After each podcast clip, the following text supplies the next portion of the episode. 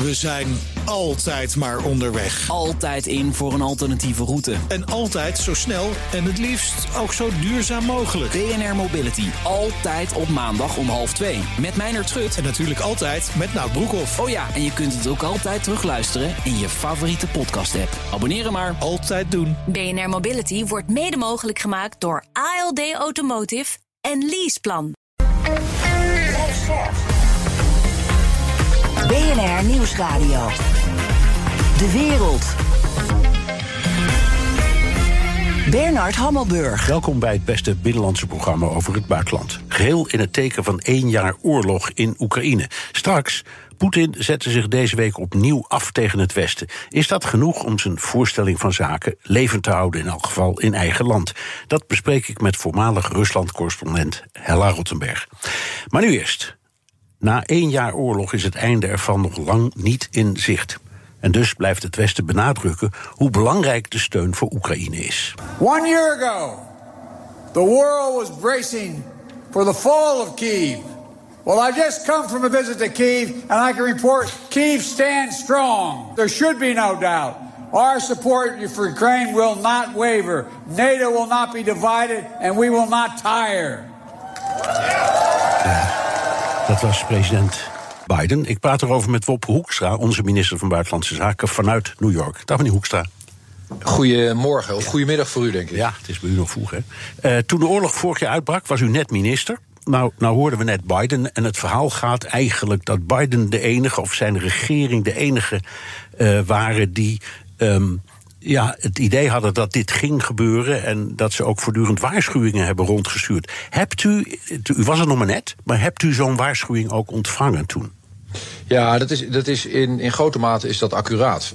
Ik was afgelopen weekend was ik op de veiligheidsconferentie in München. En ik moest terugdenken aan de conferentie van een jaar geleden. Want toen was er een enorme stammenstrijd gaande. Ook tussen mensen uh, met uh, ervaring en expertise op het gebied van intelligence. Of die oorlog nou wel of niet op uitbreken stond. Met inderdaad uh, Amerikaanse vertegenwoordigers en anderen die zeiden: ja, jongens, wees niet naïef, dat gaat gebeuren. En eigenlijk ook de boodschap die ze in de weken daarvoor ook al hadden gegeven. Ja. En anderen die zeiden, ja, maar zo'n vaart gaat het niet lopen. De, de, de aanwijzingen zijn toch net anders. Ja. Ik, we weten allemaal hoe het is afgelopen. De, de, de, de, optimisten en ook de realisten hebben ongelijk gehad. Ja, precies. Ik, ik behoorde tot die laatste, zeg ik eerlijk. Waar zat u zelf? Dacht u ook, gaat niet gebeuren? Of dacht u, ja hoor, gaat mis? Nee, ik, ik, ik dacht dat je rekening zou moeten houden met de aanmerkelijke kans dat Poetin in ieder geval iets zou doen. Want als je, wat je kon zien was dat er, ik geloof, 150.000 soldaten samengepakt waren aan de grens. Uh, dat er ook uh, bewegingen waren uh, op het gebied van de, van de marine, van de vloot. En, en als je zo'n massale effort pleegt aan de voorkant, ja, dan ben je iets van plan. En het kan natuurlijk altijd dan nog zijn dat je probeert om dat uiteindelijk door druk en door onderhandelingen te verkrijgen. Uh, maar ja, dat, doe je niet voor, uh, dat doe je niet voor niks, dat doe je niet voor de gezelligheid. Nee, nee. Dus wij hebben rekening gehouden met de aanmerkelijke kans. Maar eerlijk is eerlijk, de Amerikanen waren de eerste, eigenlijk al eind december, begin januari, die hiervoor gewaarschuwd ja, hebben. Klopt. Um, we, we, eventjes de reacties die toekwamen. Dat, die waren tweeledig. We hadden diplomatieke reacties, hè, dat gebeurde in de VN, daar gaan we direct even over. Maar eerst sancties. Uh, die kwamen vanuit Europa. Uh, en bij de VN moesten allerlei procedures worden ingezet. Eerst even over die sancties. Die, zijn we, die, die kwamen tamelijk snel. Um, en als ik, nou ja, zo uh, rondkijk en rondluister, dan uh, dan zie je het beeld van mensen die steeds meer denken: ja, maar wacht even, dat kost klauwen met geld. We hebben problemen eh, in de supermarkt, de benzine is duur, het onderwijs schreeuwt om mensen, de, de, de, de, zorg wordt onderbetaald, we hebben woningnood. Hoe lang kunt u volhouden dat u, wat u tegen het Algemeen Dagblad hebt gezegd, in zo'n hele lange oorlog de steun blijft krijgen van de Nederlandse bevolking en de regering? Nou, het is essentieel dat we dit uiteindelijk met, met elkaar kunnen, kunnen doorzetten. Uh, uiteraard gewoon om, om, om redenen van geopolitiek en de veiligheid van Europa zelf. Uh, want ja, we voelen ons natuurlijk solidair met Oekraïne. Maar dit raakt ook onmiddellijk aan de, aan de, aan de vrijheid en aan de veiligheid van ons eigen continent. Want Ja, als je dit laat passeren, dan is dat een glashelder signaal, uh, ook richting Rusland, dat je ja, ook een volgende keer ergens halverwege uh, de, de, toch de stekker eruit trekt. Dus alleen om die reden moet je doorzetten. Ja, ik, ik ben het wel zeer eens ja. met iedereen die zegt: luister eens, wij hebben ook een, enorm belangrijke zorgtaak voor, voor alles en iedereen in Nederland. En zeker de mensen die het toch al moeilijk hebben, uh, ook richting ondernemingen, uh, om ervoor te zorgen dat we met uh, hele volatiele energierekeningen, inflatie, dat we zorgen dat we daar schouder aan schouder blijven. Dat is ook sowieso verstandig sowieso verstandig om te zorgen dat iedereen dit kan meemaken.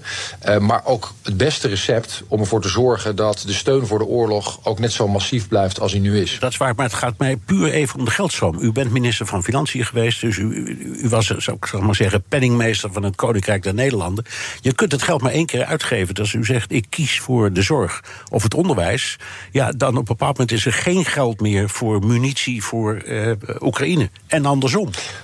Maar dat zijn, dat zijn toch onvergelijkbare grootheden. Uh, als, je, als je kijkt naar onze zorguitgaven, dan, dan, dan, dan zijn die om en bij de 100 miljard. En we geven een paar miljard uit aan uh, de totale steun aan Oekraïne.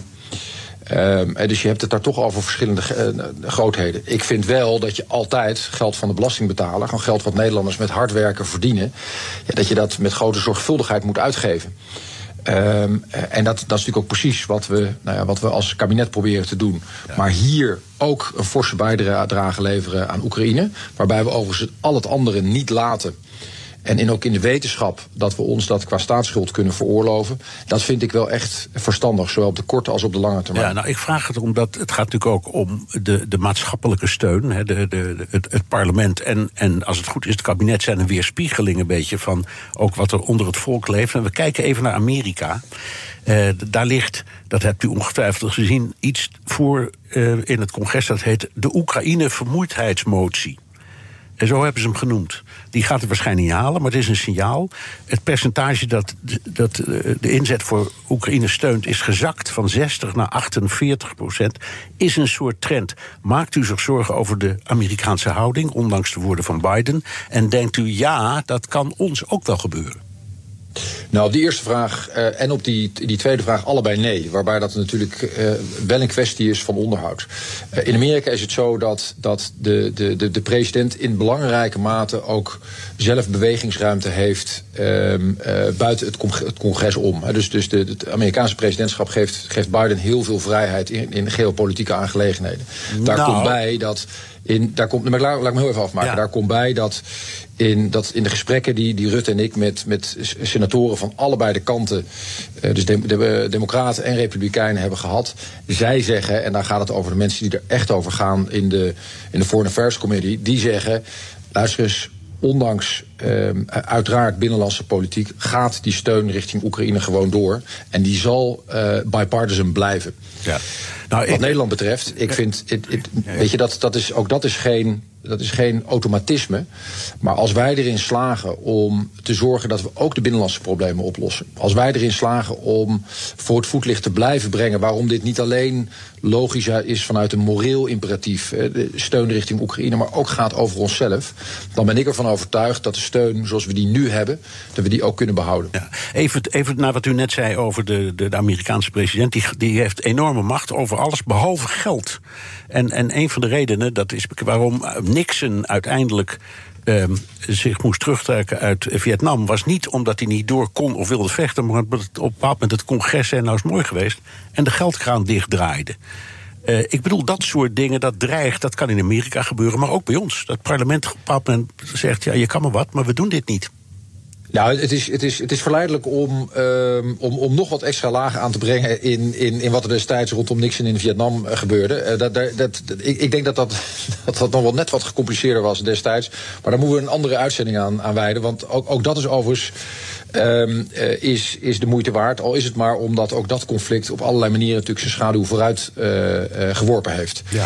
Mijn waarneming is nou, ten aanzien van de Verenigde Staten. Omdat, ik, zei het omdat, ik zei het omdat ik erbij was, dus ik herinner me nog precies. Nee, nee, maar u, ja. precies. Dus, dus um, uh, u was er nog veel meer bij dan, uh, dan uh, uiteraard dan ik. Maar de, kijk, het, het, het, punt waar het om gaat, wat mij betreft, is het volgende. De, de, de steun van de Amerikaanse president, van, van deze Amerikaanse regering, die is spijkerhard. En mijn waarneming is, sprekend met vooraanstaande leden vanuit de Senaat, vanuit het congres, een paar weken geleden hier in Washington, een paar maanden geleden. Uh, samen met Rutte op, op algemene zaken. Dat die steun toch ook bipartisan zeer, zeer sterk is. Ja. En die blijft. los van, van uiteraard politieke bewegingen die je altijd ziet. Ja. En overigens, als je naar het Nederlandse parlement kijkt, kijk naar het debat van gisteren. Uh, ja, dan tel ik ook mijn zegeningen. Dus een hele brede steun, ook ver voorbij de coalitie. Wat ik ook buitengewoon waardeer van, uh, nou ja, van, een, van een grote groep oppositiepartijen. Ja, helemaal waar. Even de andere kant, uh, de diplomatieke kant. in de, in, er kwam al heel snel een resolutie in de Veiligheidsraad en, tegen, tegen Rusland, om het voordeel. Die werd uiteraard verworpen door een veto van Rusland en China. En toen ging het naar de algemene vergadering. Wat niet zo gebruikelijk is, maar dat gebeurde toch. En toen kwam er um, die bekende stemming. 143 eh, landen die het veroordeelden. U zei destijds. Um, ook in een gesprek dat u en ik daar toen over hadden. In landoppervlakte en bevolking was de groep die niet meestemde groter dan de 143 die voor die resolutie stemden. Hoe staat dat er nu voor? Ja, ik denk dat de realiteit is dat dat niet is verbeterd.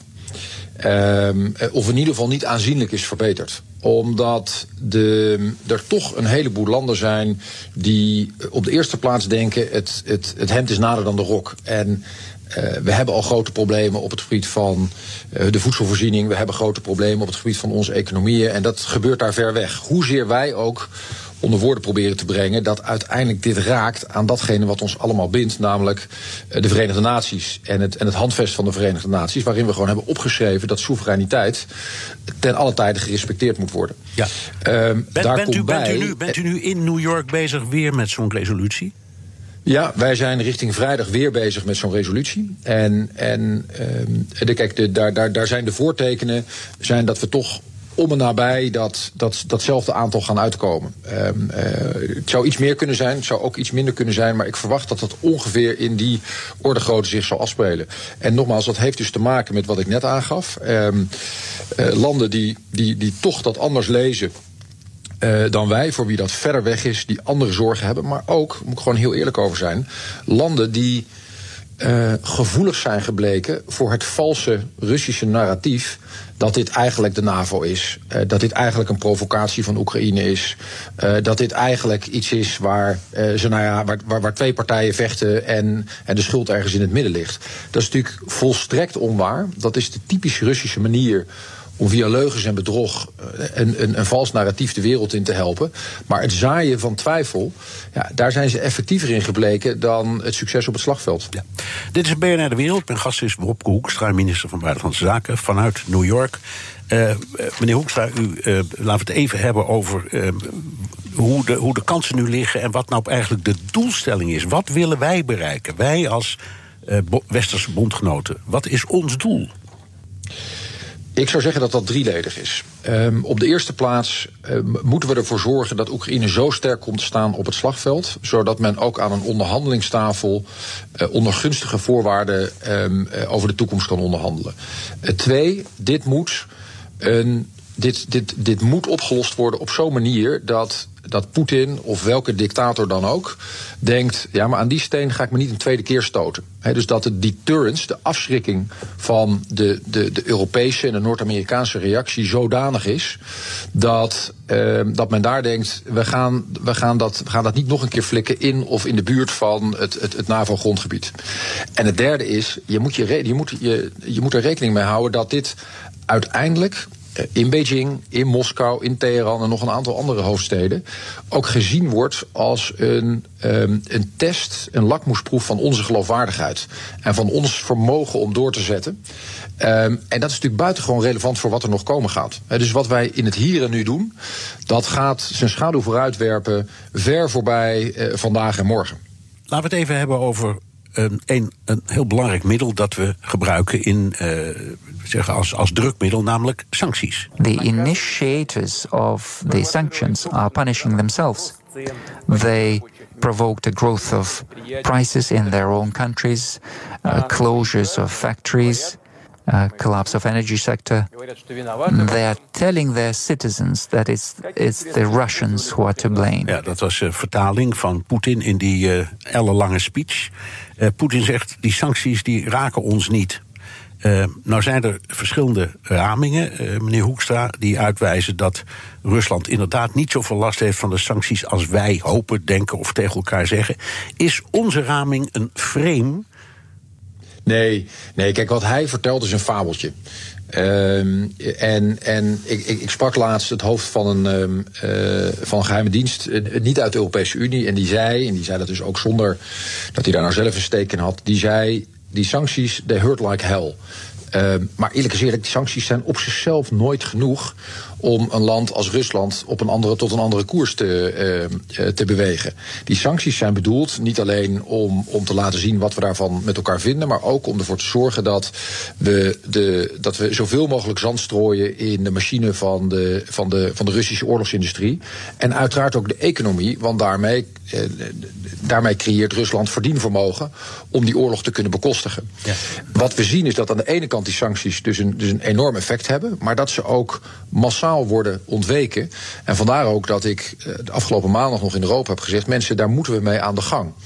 Um, want sancties worden door bedrijven in, in derde landen, zoals we dat noemen, dus buiten Europa, uh, die, die kopen een deel van die spullen op en voeren die dan alsnog door naar, uh, naar Rusland. Ja, precies. En dat parallele import, hè, dat is een, een bekend middel. En dan heb je natuurlijk, en heb je natuurlijk landen, grote en belangrijke landen als uh, China, India, heel veel Afrikaanse landen, die zeggen: ja, sorry, maar wij doen hier niet aan mee. Wij blijven gewoon handel drijven met een land dat wij als bondgenoot beschouwen, namelijk Rusland. En, dat... nou, en de positie van die landen is dan natuurlijk overigens wel weer verschillend. Maar u heeft gelijk. Dat is ook precies het gesprek wat ik afgelopen, uh, wat was het, zaterdag uh, in, in München heb gehad met Wang Yi.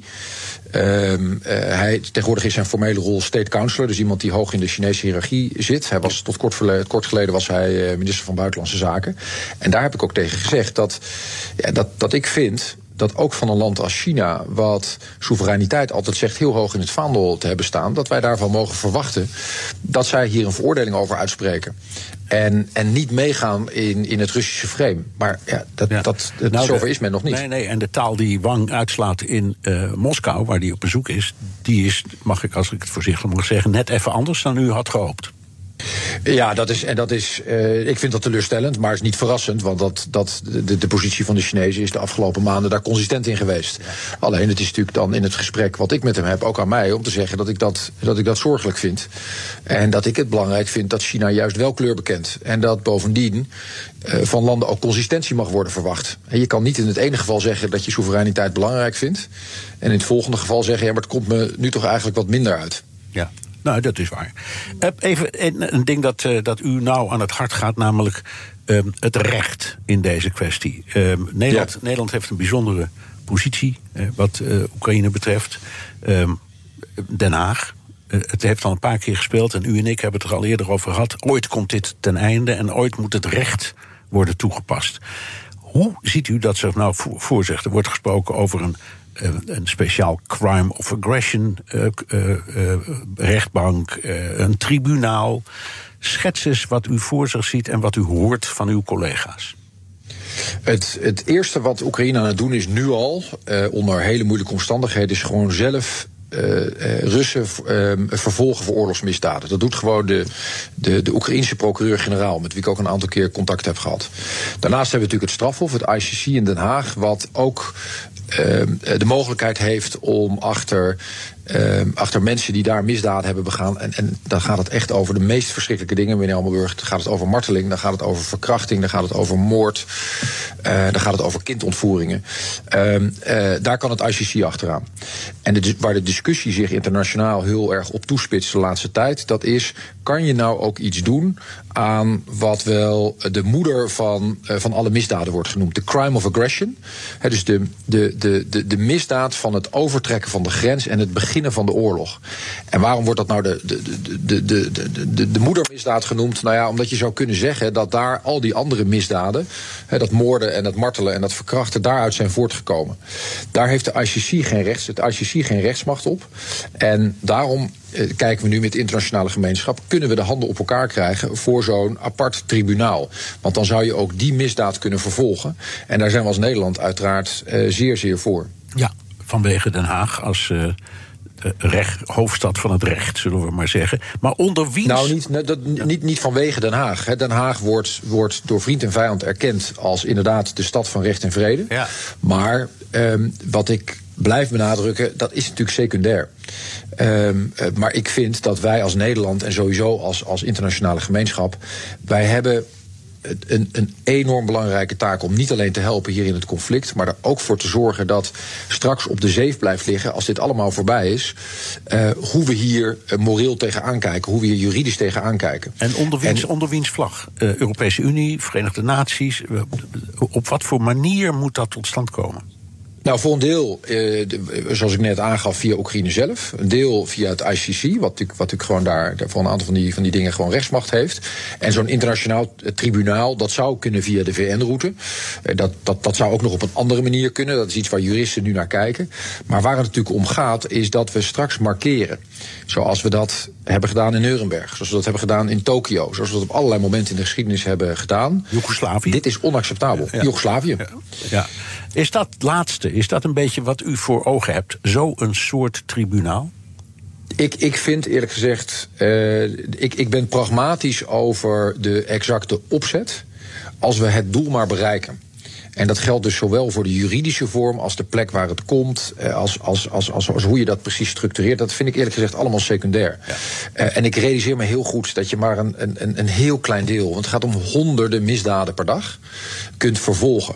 En toch leren alle kinderen uh, leren op school over Nuremberg. Een moment waarop de, de, de, de, de, de grootste naties, voor zover ze geen zelfmoord hadden gepleegd of, of waren omgekomen, gewoon uh, in, in een rechtbank zaten. En daarna zijn er overigens nog allerlei andere rechtbanken en tribunalen hebben er plaatsgevonden. En het is essentieel dat er zometeen ook weer een signaal naar de wereld gaat. Ja. En dit pikken we niet. Dank. Wopke Hoekstra, minister van Buitenlandse Zaken vanuit New York. BNR Nieuwsradio. De wereld. Bernard Hammelburg. Poetin heeft het Westen opnieuw de schuld gegeven van de oorlog in Oekraïne.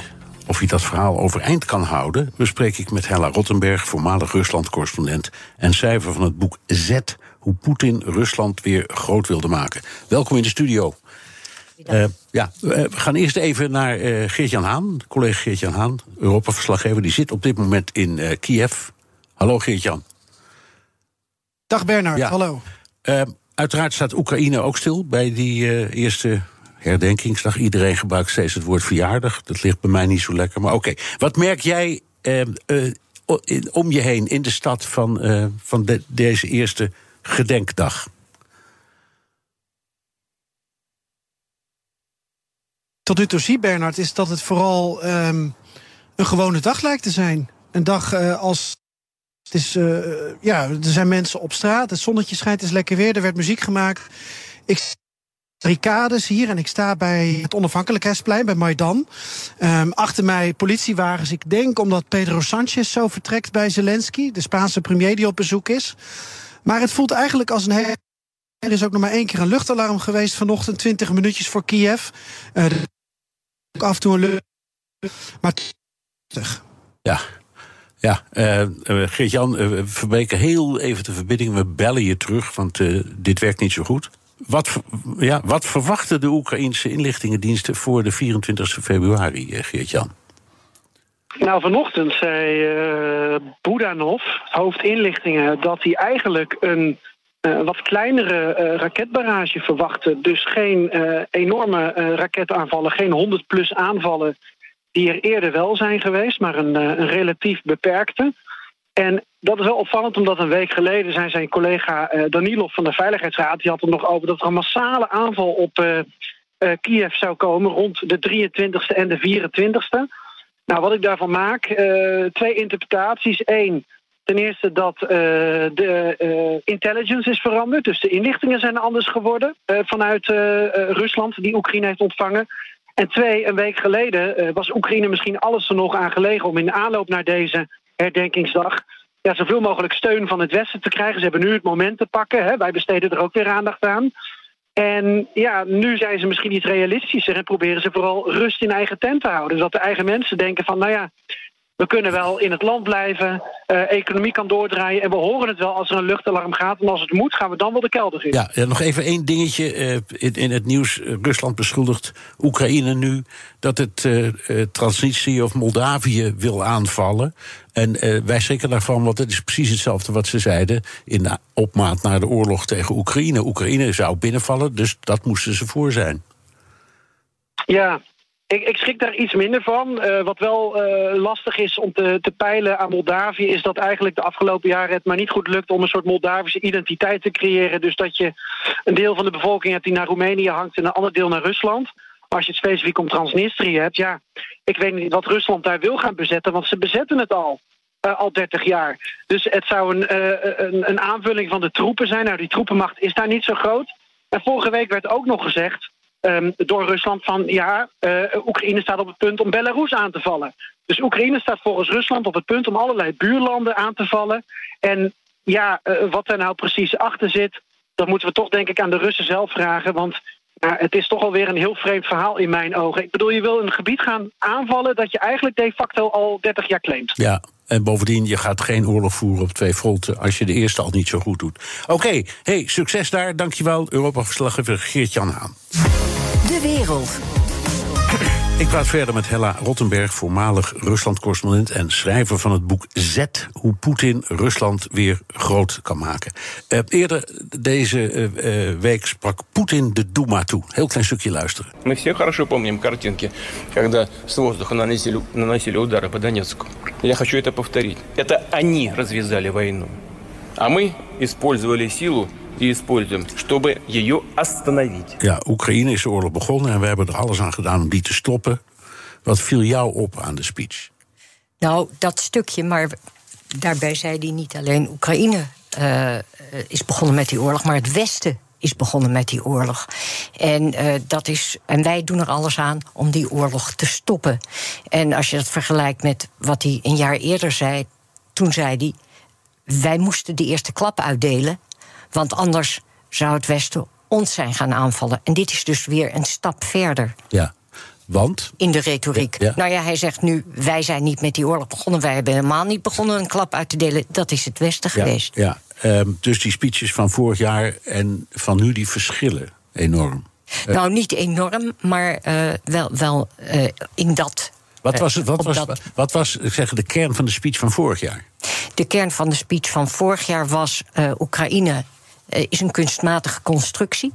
Heeft geen bestaansrecht als staat. En uh, is altijd gebruikt als uitvalsbasis om uh, Rusland aan te vallen. In het verleden, in de 19e eeuw, door Oostenrijk, daarvoor door Polen en nu door de NAVO en met name de Verenigde Staten. Ja. Um, is dan het, het Russische verhaal dat. Um, dat het een soort symbool is dat Oekraïne naar het westen is geschoven als geheel? De Oekraïne is voor uh, Rusland een anti-Rusland. Is een project van het Westen tegen Rusland. En als het ja, uh, deel uit gaat maken van het Westen, dan is er helemaal geen mogelijkheid meer om Oekraïne uh, te beheersen in, op de manier waarop het Rusland goed uitkomt. Ja, in, in deze hele kwestie voel je voortdurend enorme haat. De manier waarop Poetin spreekt. Um, is dat niet, waar komt die haat vandaan tegen het Westen? Ik denk dat die haat uh, de, de grote frustratie is van het verliezen van de status van supermacht. Na 1991. En die heeft Poetin meegemaakt toen hij in Dresden zat als KGB-officier. En uh, nou ja, hij was in 89 daar toen uh, de, de muur viel. En toen de groot publiek daar zich verzamelde, ook bij de ambassade. En hij drukdoende was om papieren te verbranden. En het Russische leger niet ingreep om te verhinderen dat Oost-Duitsland ja, uit de invloedssfeer van, van Moskou geraakte. Ja. En vanaf dat moment is, het eigenlijk, is, dat, is de Sovjet-Unie heel snel uit elkaar gevallen, verkruimeld. En zag hij het land dat hij beschouwt als het zijne, de Sovjet-Unie, teloor gaan. Ja. Um, ik herinner mezelf uit die periode dat toen dit liep, de onderhandelingen over het beëindigen van de Koude Oorlog, de, ontmoetingen van Reagan en, en Gorbachev en, en de periode daarna met Bush en Yeltsin, er was ook in Moskou een zekere vorm van euforie die je het Westen ook voelde. Er was, er was toen, het was meer een soort opluchting en er was helemaal geen anti-westers gevoel op dat moment. Was, heb ik verkeerd gekeken? Nee, zo heb ik dat ook uh, ervaren. En zo uh, werd dat in het algemeen ook ervaren. En zelfs Poetin uh, zat eigenlijk uh, op die rails. Uh, als je kijkt naar een, de oprichting van de NAVO-Ruslandraad. Dat was in 2002 in Rome.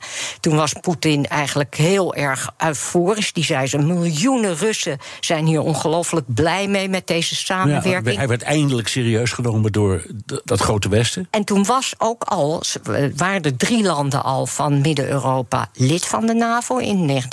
97 geworden en stond uh, op het programma in 2004. En dat was, stond gewoon heel vast op het programma dat nog zeven andere landen lid zouden worden. En Poetin was uh, zeer ingenomen met zijn uh, nou ja, positie te midden van al die NAVO-leiders. En zij stelde zelfs de Europese Unie gerust van ja, wij gaan nu wel heel erg dik met Bush en Amerika om, maar jullie hoeven niet bang te zijn dat we jullie uit het oog verliezen. Ja, ja, ja. In jouw boek uh, noem je uh, de, de Oekraïnse Oranje Revolutie in 2004 een, een kantelpunt. Toen kwam een Europa-gezinde politicus, Viktor Yushchenko, aan de macht. Waarom is dat een kantelpunt? Dat is een kantelpunt omdat um, uh, Yanukovych, die daarvoor de, de president was, een man van Moskou was, een pro-Russische leider was. En enerzijds was die, die Oranje Revolutie een, een, ja, een, een, een, dreiging voor uh, Rusland dat een volksopstand kon leiden tot een andere uitslag van verkiezingen. Daar schrok Poetin van. Want het was niet de bedoeling dat dat een voorbeeld zou zijn voor Rusland zelf. En uh, ten tweede uh, was Yushchenko de man die uh, toenadering zocht tot het Westen en ook tot de NAVO met name. Ja, um, maar je had in die tijd toch het gemene best van onafhankelijke staten na het uiteenvallen van uh, de Sovjet-Unie. Uh, dus er was toch nog wel iets van een groot samenwerkt. was dan wel geen Sovjet-Unie meer, maar ze waren niet helemaal losgekoppeld van elkaar. Dat is zomaar. Oekraïne hield daar toch afstand van. Die, uh, die heeft uiteindelijk uh, de, dat samenwerkingsverband niet geratificeerd. En uh, wilde ook niet helemaal in de invloedssfeer, ook niet economisch, van Rusland weer geraken. Nee. Dit is een heel, ook een belangrijk kantelpunt misschien. In 2007, de toespraak die Poetin hield op de veiligheidsconferentie in München. En daar beschuldigde hij uh, de NAVO ervan naar het, naar het oosten op te schuiven. Jij zegt, dat wist hij allemaal al lang, maar daar kwam een beschuldiging. Uh, daarna kreeg je de top van Boekarest, waar Bush 2 heel duidelijk aandrong juist op een uh, NAVO-lidmaatschap van Oekraïne. Um, en Georgië? En Georgië, ja. hebben wij daarmee Poetin makkelijk gemaakt om in die haatmodus te komen? Nou, ik denk dat Boekarest wel een heel erg uh, uh, verkeerde beslissing is genomen. Want enerzijds is de, het perspectief aan Oekraïne en en Georgië gegeven om lid te worden van de NAVO. Anderzijds is dat op de lange baan geschoven. Dus is het niet in werking gesteld. En daarmee bungelden die twee landen tussen twee ja, sterk, sterke machten in. En was dat een soort uitdaging tegenover Poetin: van als ik ze nu niet pak, dan zijn ze weg. Ja. En uh, ze kregen op dat moment nog geen enkele bescherming. Nee. Uh, dan heb je steeds die, uh, die nazi-vergelijking. Poetin, toen hij begon aan die oorlog, moest, moest hij hard aan het denazificeren. Dat moest dringend gebeuren in, in Oekraïne. Ehm, we kennen natuurlijk allemaal een beetje het verhaal van West-Oekraïne, dat in de Tweede Wereldoorlog misschien uh, pro-Duits was vanwege die hongersnood die daarvoor had geheerst. Maar het grootste deel van Oekraïne was gewoon Sovjet-Unie en, en hoorde ook bij het Sovjet-krijgsmacht. Waarom maakt hij steeds die vergelijking? Want, hij praat over een minderheid waarvan de, inmiddels de achterkleinkinderen niet eens meer weten wat er is gebeurd. Ja, ik denk dat dat is omdat um, nazisme en de overwinning op het nazisme uh, het Russische volk kan verenigen. Dat is een, een zaak waarin geen twijfel kan bestaan over goed en kwaad. En waarvoor het Russische volk, maar ook het Oekraïnse trouwens, zoveel offers hebben gepleegd dat het ondenkbaar is dat die offers voor niets zijn gepleegd. En nu zouden er dan weer naties aan de macht zijn in Oekraïne. En dat, ja, dat heeft een zeker uh, effect. Ja, dat begrijp ik. En ik denk nu, nu het zo zegt. Er zijn, ik geloof, 24 miljoen Russen omgekomen in de Tweede Wereldoorlog. Dat zijn niet alleen Russen. Nee, er zijn, Sovjets, Sovjets. Er zijn dus ja. uh, ook ja, vele miljoenen Oekraïners. Ja, Oekra Oekraïners. Maar Oekraïne en, is, is en, een en veel groter deel ja. van Oekraïne is bezet geweest. Ja. Uh, dan, dan een deel van Rusland. Oh, maar goed, er zijn 24 miljoen Sovjets uh, omgekomen. Het valt niet te ontkennen dat de, uh, dat de Sovjet-Unie een, uh, een, sleutelrol heeft gespeeld in dit vreselijke stuk van de oorlog. maar hoe kan het dat dat verhaal houdbaar blijft? Want de, Russen, die, de meeste Russen, die, die, kennen verhalen over de Tweede Wereldoorlog ook alleen maar uit de geschiedenisboekjes en van hun grootouders. Dat klopt, maar ik denk dat um, uh, er wordt vanaf 2014 al via de televisie en de propagandakanalen gezegd dat in Kiev er een staatsgreep is gepleegd door de erfgenamen van die naties in West-Oekraïne. En dat zijn dan het Bandera, dat is Stepan Bandera was hun leider, die uh, nationalist was en vocht voor onafhankelijkheid van Oekraïne toen de Duitsers daar binnenvielen en hoopte met behulp van de Duitsers dat te bereiken. En uh, hij was tegelijkertijd ook had hij fascistische ideeën en zijn aanhangers hebben ook meegedaan aan massamoord op Polen en op Joden. En hun aanhangers zouden uh, nu aan de macht zijn in Kiev. Ja. En zij zouden dus de Oekraïense bevolking wordt feitelijk onder de plak gehouden door die naties. Ja, nou horen we steeds de, de meeste Russen, en ik praat dan even niet over Moskou of Petersburg, maar laten we zeggen Irkutsk of, of doet er niet toe, ergens een wat kleinere stad ver weg. Dat die kijken eigenlijk alleen maar naar de staatsondersteunde uh, televisiestations en radiostations. Uh, geloven de mensen dit verhaal? Is het hun verhaal? Uh, in het begin pakte dat niet goed uit. Want men had die propagandaoorlog eigenlijk niet zo erg in die zin voorbereid. Uh, er was wel jaren anti-Oekraïnse uh, propaganda geweest. Maar op het moment dat die inval begon, had Poetin erop gerekend dat hij binnen een ja, paar weken feitelijk met een blitzkrieg de zaak onder controle zou hebben. En uh, de, de mobilisatie, de propagandamobilisatie, moest toen nog beginnen. En toen hebben ze in het begin hebben ze dat natieverhaal gekeken hoe dat viel bij de bevolking. Van wat, wat begrijp je uh, van wat is dat denazificatie? En mensen bleken dat niet zo goed te begrijpen. Maar intussen is daar wel aan gewerkt ja. en wordt dat verhaal voortdurend maar herhaald. En de herhaling werkt in, ja. de, in, in propaganda. Ja, ja. Even laatste vraag, denk ik. Die Z, die uit, jouw boek heet ook Z. Met uh, hoe, Rusland, uh, Rus, hoe Poetin Rusland weer groot wilde maken. Ik dacht toen ik dat voor het eerst zag, dat is gewoon ook een runeteken. Dat is ook een soort hakenkruis.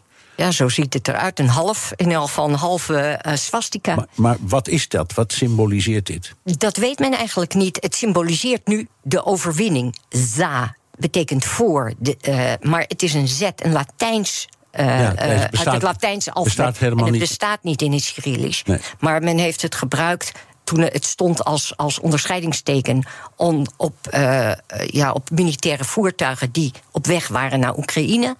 En sindsdien is dat in zwang geraakt en staat het overal als. en wordt het voor van alles met een Z gebruikt. Ja, je ziet het inderdaad overal. Dank, Hella Rottenberg, voormalig Rusland-correspondent en schrijver van het boek Z. Hoe Poetin Rusland weer groot wilde maken. Postma in Amerika. Tijd voor het Amerikaanse nieuws door de ogen van onze correspondent in Washington, Jan Postma. Jan, de Republikeinen zijn verdeeld over de steun aan Oekraïne. Biden wilde deze week natuurlijk het draagvlak voor die steun vergroten. Hoe reageerden de Republikeinen?